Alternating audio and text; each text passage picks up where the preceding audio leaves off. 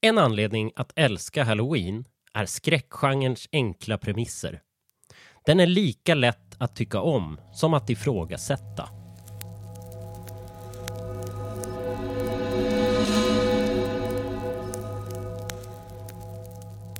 Då menar jag inte utifrån att man skulle se för många våldsamma filmer.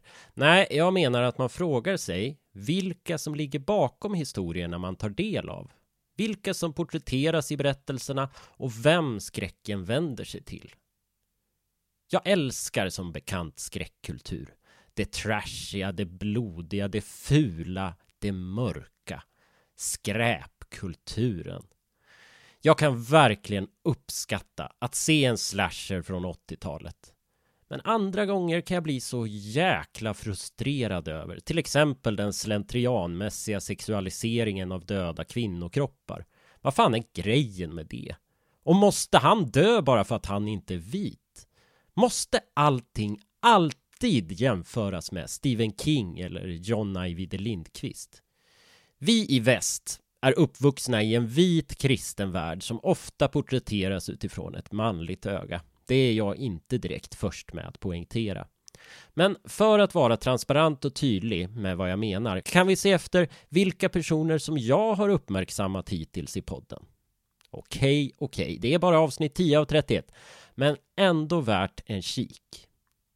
Stephen King, Mikael Hofström, Ulf Malmrost, Ernst-Hugo Järegård, Margareta Krook, Lars von Trier, Drew Barrymore, William Peter Blatty, William Friedkin, Linda Blair, George C. Scott, Jane Levy, Francis Ford Coppola, Gary Oldman, John Ajvide Lindqvist. Ja, på ett ungefär är det de där personerna. Min poäng är att det är ett väldigt vitt gäng. Autörerna, alltså regissörerna och författarna är hittills nästan uteslutande män. De kvinnorna som är med är framför kameran. Och så har ju film och tv-världen sett ut.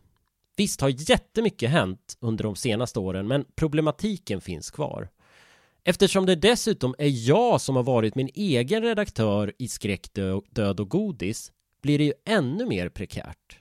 Jag borde ju ha vett att själv göra ett bättre urval och lyfta fram andra personer och filmer bortom de uttjatade vita männen. För jäklar vad många det finns. Varför gör jag inte det då? Ja, det finns fler svar på det. Dels är min ambition att göra den här podden någorlunda bred och lättillgänglig och våra gamla referenser består dessvärre till mångt och mycket av vita män någon gång måste såklart de referenserna uppdateras och förändras. Men om man som jag har en retrospektiv blick, till viss del i alla fall, blir det svårt att inte övervägande prata om vita män. Samtidigt är jag ambivalent till hela skräckgenren på ett sätt. Det är inte helt lätt att försöka förklara allt på under åtta minuter, men den är problematisk på många sätt och kan ibland vara svår att försvara. Extremt våld, sexualiserat våld och död riktas ofta mot kvinnor och deras kroppar fortsätter att vara sexobjekt postmortem. För att inte tala om hur kvinnliga skådespelare har behandlats av de manliga regissörerna. Fråga till exempel Mia Farrow om inspelningen av Rosemary's Baby. Begreppet Final Girl det vill säga den sista överlevande tjejen i en skräckfilm, myntades 1992 av Carol J. Clover i boken Men, Women and Chainsaws Gender in the Modern Horror Film. I boken visade Clover på att vi i många skräckfilmer först får följa historien genom ett manligt öga, alltså mördarens blick.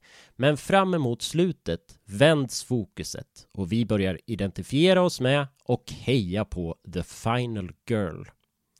Ibland används begreppet för att visa på att skräckgenren inte alls är så kvinnofientlig. För titta här, det är ju till slut upp till en tjej att stoppa monstret eller mördaren.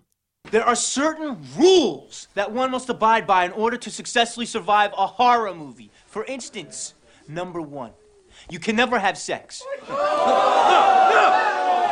Big no no! Big no! I'm a dead man. popcorn. Sex equals death, okay? Number two, you can never drink or do drugs. No, the sin factor.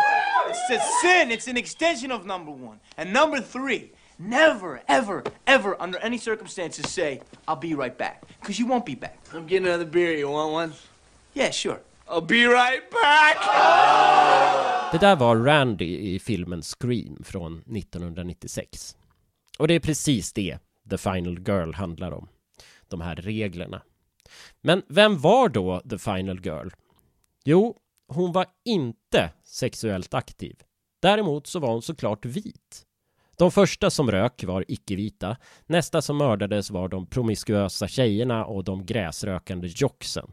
Det är konstigt att en genre som på vissa sätt har varit så utmanande, extrem och progressiv ibland också har varit så amerikanskt högerkonservativ, rasistisk och slut Som tur är förändras världen. Idag får historier berättade ur fler perspektiv också plats och vi börjar få en större mångfald bland autörerna. Jordan Peele är ju ett bra exempel på någon som vi nu känner igen både till namnet och stilen. Att han som första svart någonsin fick en Oscar för bästa originalmanus för Get Out betydde såklart hur mycket som helst, inte bara för skräckgenren. Men då vill ju inte jag vara en stoppkloss. Det är nog bara det jag menar. För jag kan ju själv irritera mig på alla stoppklossar som bara pratar om samma gamla referenser. Samtidigt gör ju jag mig skyldig till exakt samma sak. Ja, ni hör ju, det är fan inte lätt. I'll be, right, back. You see, you push the laws and you end up dead. Okay, I'll see you in the kitchen with a knife.